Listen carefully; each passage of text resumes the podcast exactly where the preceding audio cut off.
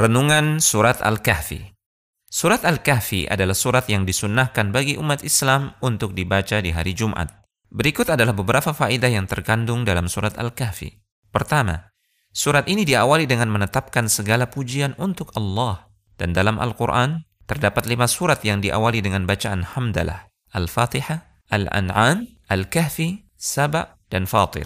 Kita diperintahkan untuk senantiasa memuji Allah dalam semua keadaan, sekalipun makhluknya sedang mendapatkan ujian dan musibah. Kedua, di awal surat Al-Kahfi ditegaskan bahwasanya Al-Quran adalah sumber ilmu yang lurus, tanpa ada sedikit pun yang bengkok. Allah Subhanahu wa taala berfirman yang artinya, segala puji bagi Allah yang telah menurunkan kepada hambanya Alkitab, yaitu Al-Quran, dan dia tidak mengadakan kebengkokan di dalamnya sebagai bimbingan yang lurus untuk memperingatkan siksaan yang sangat pedih dari sisi Allah dan memberi kabar gembira kepada orang-orang yang beriman dan yang mengerjakan amal saleh.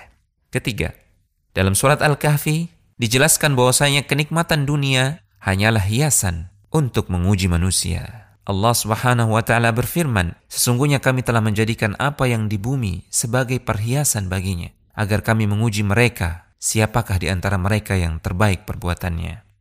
Keempat, dalam surat Al-Kahfi terkandung pelajaran seorang dai yang ikhlas bisa saja mendapatkan tekanan batin karena beban berat dalam dakwah. Tidak terkecuali ini pun dialami oleh manusia terbaik Rasulullah Shallallahu Alaihi Wasallam. Allah Subhanahu Wa Taala berfirman, barangkali kamu akan membunuh dirimu karena bersedih hati setelah mereka orang-orang kafir itu berpaling sekiranya mereka tidak beriman kepada keterangan Al-Quran ini. Kelima, dalam surat Al-Kahfi terkandung pelajaran bahwasanya manusia harus berusaha menyelamatkan agama dan akidahnya, sekalipun dia harus terusir dari negerinya, bahkan sekalipun dia harus tinggal di gua dengan segala keterbatasannya. Allah berfirman, kamu mengira bahwa orang-orang yang mendiami gua dan yang mempunyai rakim itu, mereka termasuk tanda-tanda kekuasaan kami yang mengherankan? Ingatlah, tatkala para pemuda itu mencari tempat berlindung ke dalam gua.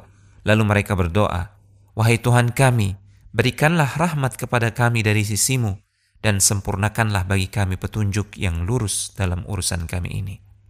Keenam, dalam surat Al-Kahfi terkandung bahwasanya Allah akan memberikan tambahan dan kekuatan hidayah bagi orang-orang yang komitmen dengan kebenaran dan berani menampakkannya. Allah Subhanahu wa taala berfirman, kami meneguhkan hati mereka di waktu mereka berdiri.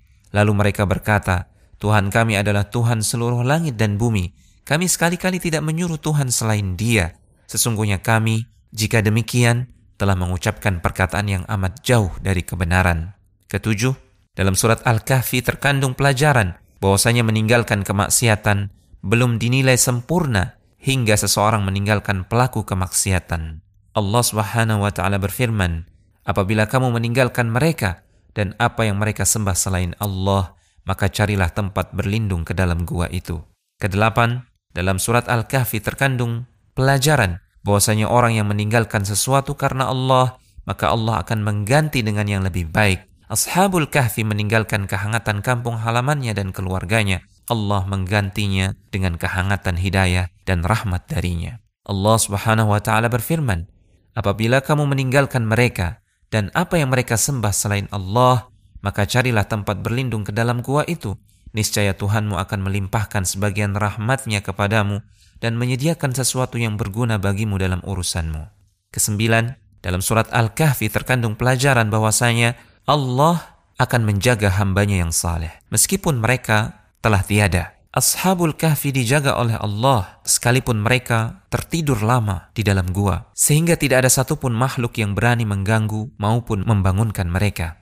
Allah Subhanahu wa taala berfirman, "Kamu mengira mereka itu bangun padahal mereka tertidur dan kami balik-balikkan mereka ke kanan dan ke kiri sedangkan anjing mereka menjulurkan kedua tangannya di muka pintu gua. Dan jika kamu menyaksikan mereka, tentulah kamu akan berpaling dari mereka dengan melarikan diri dan tentulah hati kamu akan dipenuhi oleh ketakutan terhadap mereka. Kesepuluh, dalam surat Al-Kahfi terkandung pelajaran bahwasanya tawakal yang sejati adalah pasrah kepada Allah setelah berusaha mengambil sebab. Ashabul Kahfi membawa uang untuk bekal mereka ketika mereka pergi meninggalkan kampungnya. Allah Subhanahu wa taala berfirman, salah seorang di antara Ashabul Kahfi berkata, Tuhan kamu lebih mengetahui berapa lamanya kamu berada di sini. Maka suruhlah salah seorang di antara kamu untuk pergi ke kota dengan membawa uang perakmu ini. Dan hendaklah dia melihat manakah makanan yang lebih baik. Maka hendaklah ia membawa makanan itu untukmu. Konsultasi syariah.com Agar tidak merugi. Sebagian orang malas membaca Al-Quran, padahal di dalamnya terdapat petunjuk untuk kehidupan di dunia. Sebagian orang merasa tidak punya waktu untuk membaca Al-Quran, padahal di dalamnya terdapat pahala yang besar. Sebagian orang merasa tidak sanggup belajar Al-Quran karena sulit katanya. Padahal membacanya sangat mudah dan sangat mendatangkan kebaikan. Membaca Al-Quran adalah perdagangan yang tidak pernah merugi. Allah Subhanahu wa Ta'ala berfirman yang artinya, Sesungguhnya orang-orang yang selalu membaca kitab Allah dan mendirikan salat dan menafkahkan sebagian dari rizki yang kami anugerahkan kepada mereka dengan diam-diam dan terang-terangan, mereka itu mengharapkan perniagaan yang tidak akan merugi, agar Allah menyempurnakan kepada mereka pahala mereka dan menambah kepada mereka dari karunia-Nya. Sesungguhnya Allah Maha Pengampun lagi Maha Mensyukuri.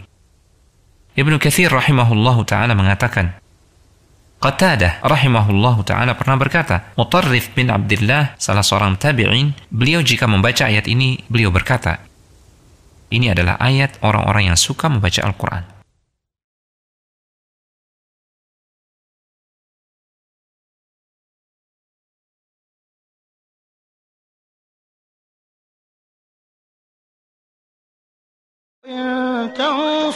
الله ينصركم ويثبت أقدامكم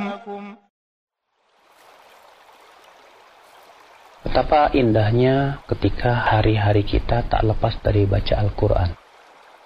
Dahulu para sahabat, kata Al-Hasan Al-Basri ada tiga amal yang para sahabat tidak pernah meninggalkannya setiap hari. Apa itu? Di antaranya membaca Al-Quran. Makanya Rasulullah SAW yang menganjurkan kita untuk menghatam Al-Quran sebulan sekali. Pernah terdengar di telinga Rasulullah SAW seorang sahabat yang bernama Abdullah bin Amr bin Al-As yang menghatam Al-Quran setiap hari. Dipanggilnya oleh Rasulullah SAW. Maka kemudian Rasul mengatakan, khatamkan Quran sebulan sekali. Kata Abdullah bin Amr, hai Rasulullah, aku mampu lebih dari itu, hai Rasulullah. Kata Rasulullah, kalau begitu khatamkan setiap 15 hari sekali. Kata Abdullah bin Amr, aku mampu lebih dari itu, ya Rasulullah. Kata Rasulullah, khatamkan kalau begitu setiap tujuh hari sekali. Kata Abdullah, aku mampu lebih cepat dari itu, ya Rasulullah. Kata Rasulullah, kalau begitu khatamkan setiap tiga hari sekali. Lalu Abdullah berkata, aku mampu lebih cepat dari itu, ya Rasulullah. Kata Rasul tidak ada kebaikan orang yang menghatam Al-Quran kurang dari tiga hari. Maka semenjak itu Abdullah bin Amr menghatam Quran setiap tiga hari sekali. Di bulan Ramadan maupun di luar bulan Ramadan. Maka dari itu ketika kita di bulan Ramadan memperbanyak baca Quran. Ketika di bulan Ramadan kita Alhamdulillah bisa membaca setiap hari satu juz. Ada yang bisa membaca setiap hari dua juz. Tujuannya apa saudaraku? Membiasakan kita untuk senantiasa ya merenungi Al-Quran, membaca Quran. Berusaha supaya kita terbiasa hari-hari kita dengan melantunkan ayat-ayat Al-Quran. Supaya setelah Ramadan itu menjadi sebuah kebiasaan hidup kita. Ramadan ini sebagai sebuah pendidikan ya untuk membiasakan kita membaca Al-Quran. Maka jadikanlah ia kebiasaan kita setelah Ramadan. Kita dekat dengan Quran. Kita selalu berinteraksi dengan Al-Quran. Rasulullah SAW memberikan motivasi supaya kita bisa membaca Al-Quran setiap hari. Kata Rasulullah SAW, siapa yang membaca dalam satu hari 10 ayat, ia tidak akan ditulis sebagai orang yang lalai dalam satu ayat lain 50 ayat. Siapa yang membaca ya 50 ayat setiap hari ditulis sebagai orang yang tunduk dan satu ayat yang lain 100 ayat. Siapa yang membaca 200 ayat maka akan ditulis untuknya pahala yang sangat melimpah ruah. Masya Allah.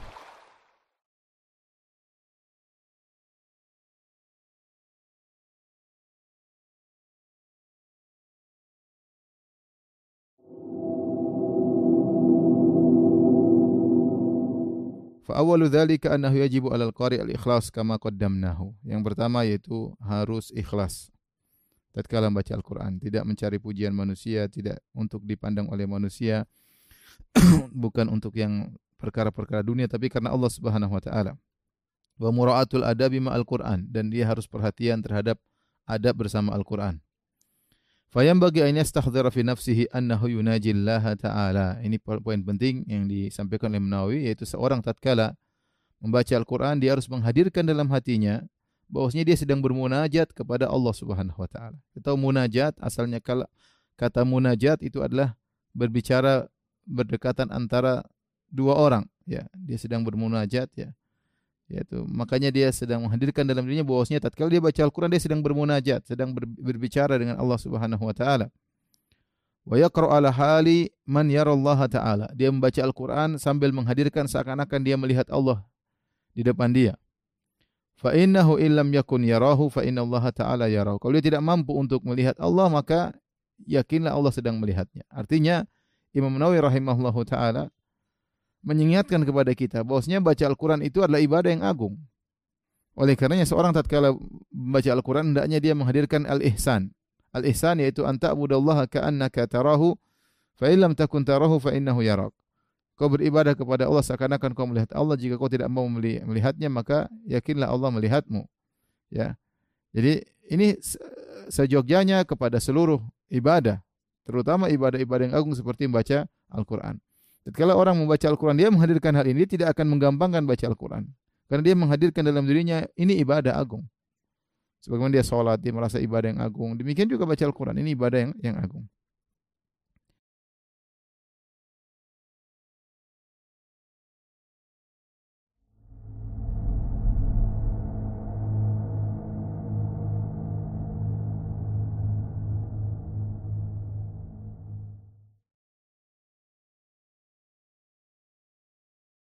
Bismillahirrahmanirrahim. Perkenankan kami berbagi adab membaca Al-Quran. Di antara mukjizat Al-Quranul Karim, Allah jadikan kitab ini penuh makna. Semua orang selalu haus akan ilmu yang terkandung di dalamnya, tanpa mengenal status dan usia. Baik manusia paling awam hingga seorang profesor bidang ilmu Quran Allah juga jadikan kitab ini bersemayam di hati seorang mukmin. Sekalipun telah dihatamkan berkali-kali, mereka tidak pernah bosan terus mengulang dan membacanya. Al-Quran adalah afdolud dzikri, zikir yang paling utama.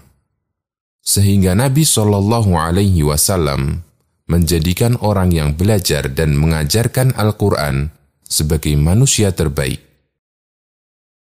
Agar kegiatan belajar Al-Quran semakin berkah, kita perlu memperhatikan beberapa adab dalam membaca Al-Quran. Nabi Shallallahu Alaihi Wasallam berusaha untuk selalu suci dari hadas setiap kali berzikir. Berikut di antaranya. Pertama, dianjurkan untuk bersuci dari hadas dan membersihkan gigi sebelum membaca Al-Quran memakai pakaian yang sopan. Beliau bersabda, Inni karihtu an azkurallaha azza wa jalla illa ala tuhrin. Aku tidak menyukai menyebut nama Allah kecuali dalam keadaan suci.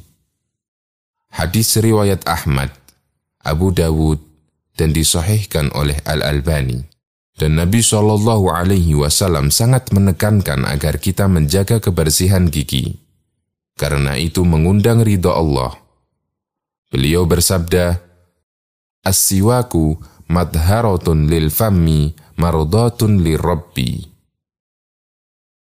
Siwak itu membersihkan mulut dan mengundang ridha Allah. Hadis riwayat Ahmad, Bukhari secara muallak dan lainnya. Kedua, dianjurkan menghadap kiblat dari Ibnu Umar radhiyallahu anhu, Rasulullah shallallahu alaihi wasallam bersabda, "Akramal majalisi mastaqbala bihil qiblah." Majlis atau posisi duduk paling mulia adalah majlis yang menghadap kiblat. Hadis riwayat Tobroni dalam Al-Awsat dan disahihkan oleh Al-Albani. Ketiga, membaca ta'awud ketika memulai membaca Al-Quran. Allah Ta'ala berfirman, فَإِذَا قَرَأْتَ الْقُرْآنَ فَاسْتَعِذْ بِاللَّهِ مِنَ الشَّيْطَانِ الرَّجِيمِ Apabila kamu membaca Al-Quran, hendaklah kamu meminta perlindungan kepada Allah dari syaitan yang terkutuk. Quran Surat An-Nahl ayat 98 kita juga dianjurkan membaca basmalah apabila membaca Al-Quran dari awal surat, kecuali surat At-Taubah. Sahabat Anas bin Malik radhiyallahu anhu menceritakan, suatu ketika Rasulullah shallallahu alaihi wasallam terbangun dari tidurnya sambil tersenyum. Kami pun bertanya, "Ya Rasulullah, apa yang membuat Anda tersenyum?" Beliau bersabda, baru saja turun kepadaku satu surat. Kemudian beliau membaca, Bismillahirrahmanirrahim. Inna a'tayna kal kawthar. Fasalli li rabbika wanhar. Inna syani'aka huwal abtar. Hadis riwayat Ahmad, Muslim, dan lainnya. Keempat, hendaknya konsentrasi dan berusaha merenungi setiap apa yang dibaca karena Allah mencela orang munafik yang setiap hari mendengar Al-Quran, namun mereka sama sekali tidak mampu mengambil pelajaran darinya. Allah berfirman, "Afala yatadabbaruna al-Qur'ana am ala qulubin aqfaluha?" Mengapa mereka tidak merenungkan kandungan makna Al-Quran? Apakah ada kunci di hati mereka? Quran Surat Muhammad ayat 24 Dan inilah tujuan utama Allah menurunkan Al-Quran agar kitabnya direnungi dan diamalkan. Allah berfirman, Kitabun anzalnahu ilaika mubarakun liyadabbaru ayatihi waliyatadakkara ulul albab. Ini adalah sebuah kitab yang kami turunkan kepadamu, penuh dengan berkah supaya mereka memperhatikan ayat-ayatnya, dan supaya mendapat pelajaran orang-orang yang mempunyai fikiran. Quran Surat Sod ayat 29 Kelima, berusaha khusyuk. Memusatkan hati hingga perasaan terbawa sesuai apa yang kita baca. Allah berfirman, Innamal mu'minuna alladhina idha dhukirallahu wajilat qulubuhum wa idha tuliyat alaihim ayatuhu zadathum imana. Sesungguhnya orang-orang yang beriman ialah mereka yang bila disebut nama Allah, gemetarlah hati mereka. Dan apabila dibacakan ayat-ayatnya, bertambahlah iman mereka. Quran Surat Al-Anfal ayat 2 Di antara sifat orang soleh, mereka tertunduk khusyuk dan menangis ketika mendengar Al-Quran dibacakan. Allah berfirman, Innal ladina utul ilma min qablihi idha yutla alaihim yakhiruna lil adqani sujjada wa yaquluna subhana rabbina in kana wa'du rabbina lamaf'ula wa yakhiruna lil adqani yabakuna wa yaziduhum sesungguhnya orang-orang yang diberi ilmu sebelumnya apabila Al-Qur'an dibacakan kepada mereka mereka menyungkur atas muka mereka sambil bersujud, dan mereka berkata, Maha suci Tuhan kami. Sesungguhnya janji Tuhan kami pasti dipenuhi, dan mereka menyungkur atas muka mereka sambil menangis, dan mereka bertambah khusyuk. Quran Surat Al-Isra ayat 107 sampai 109. Keenam, berusaha membaca dengan benar, jelas dan dengan suara bagus. Allah berfirman, "Warattilil Qur'ana tartila." Bacalah Al-Qur'an dengan tartil. Quran surat Al-Muzammil ayat 4. Yang dimaksud membaca dengan tartil adalah membacanya dengan pelan, jelas setiap hurufnya. Rasulullah Shallallahu Alaihi Wasallam juga menganjurkan kita untuk membaguskan suara ketika membaca Al-Quran. Beliau bersabda, Zayyinul Qur'ana bi aswatikum. Hiasilah Al-Quran dengan suara kalian. Hadis riwayat Ahmad, Nasai, dan yang lainnya. Ketujuh, boleh membaca Al-Quran sambil berdiri di atas kendaraan atau berbaring. Allah berfirman menceritakan karakter ulil albab, orang yang cerdas. Wa qu'udan wa ala junubihim wa yatafakkaruna fi khalqis samawati wal ard. Yaitu mereka yang selalu mengingat Allah ketika berdiri, duduk, dan ketika berbaring. Mereka merenungkan ciptaan langit dan bumi. Quran Surat Ali Imran ayat 191 Nabi Shallallahu Alaihi Wasallam pernah membaca surat Al-Fat di atas kendaraannya ketika beliau menaklukkan kota Makkah. Hadis riwayat Bukhari dan Muslim. Aisyah menceritakan bahwa Nabi Shallallahu Alaihi Wasallam pernah berbaring dengan meletakkan kepala di pangkuan Aisyah yang sedang haid. Kemudian beliau membaca Al-Quran. Hadis riwayat Bukhari dan Muslim. Kedelapan, tidak membaca terlalu keras sehingga mengganggu orang lain yang sedang sholat atau yang sedang tidur. Nabi Shallallahu Alaihi Wasallam pernah menemui para sahabat ketika mereka sedang sholat malam dan mereka saling mengeraskan bacaannya.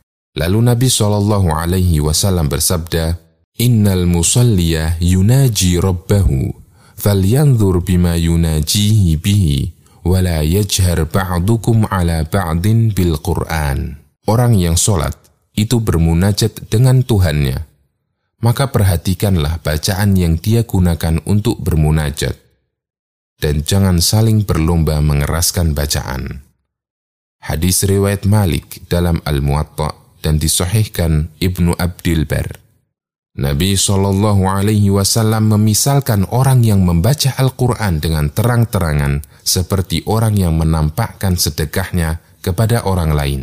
Al-jahiru bil Qur'ani kal jahiri bis sadaqati wal musirru bil Qur'ani kal musirri bis sadaqah.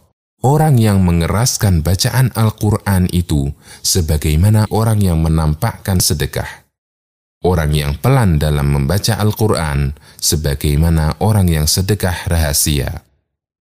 Hadis riwayat Ahmad, Nasai, dan disohihkan oleh Al-Albani. Dan secara umum, sedekah dengan sembunyi-sembunyi lebih besar pahalanya.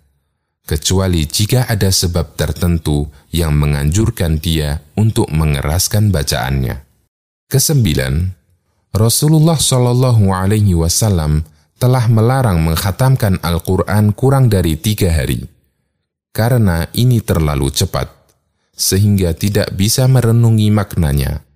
Beliau bersabda, La yafqahu man al-Qur'ana fi aqalla min thalath. Orang yang membaca Al-Quran kurang dari tiga hari, maka tidak akan dapat memahaminya. Hadis riwayat Ahmad Abu Dawud dan disohhehkan oleh Al-Albani. Rasulullah Shallallahu Alaihi Wasallam pernah memerintahkan Abdullah bin Umar radhiyallahu anhuma agar menghatamkan Al-Quran setiap tujuh hari sekali. Muttafaqun alaih. Kesepuluh, melakukan sujud tilawah ketika melewati ayat sajdah. Aisyah menceritakan, ketika Rasulullah Shallallahu Alaihi Wasallam melakukan sujud tilawah di malam hari, beliau membaca kalimat berikut berulang kali. Sajada wajhiya lilladhi khalaqahu wa syaqqa sam'ahu wa basarahu bihaulihi wa quwatihi. Wajahku bersujud kepada Tuhan yang telah menciptakanku, yang memberi pendengaran dan penglihatanku dengan daya dan upayanya. Hadis riwayat Nasai, Abu Dawud, dan disohihkan oleh Al-Albani. Semoga kita tidak lalai dalam mengamalkannya.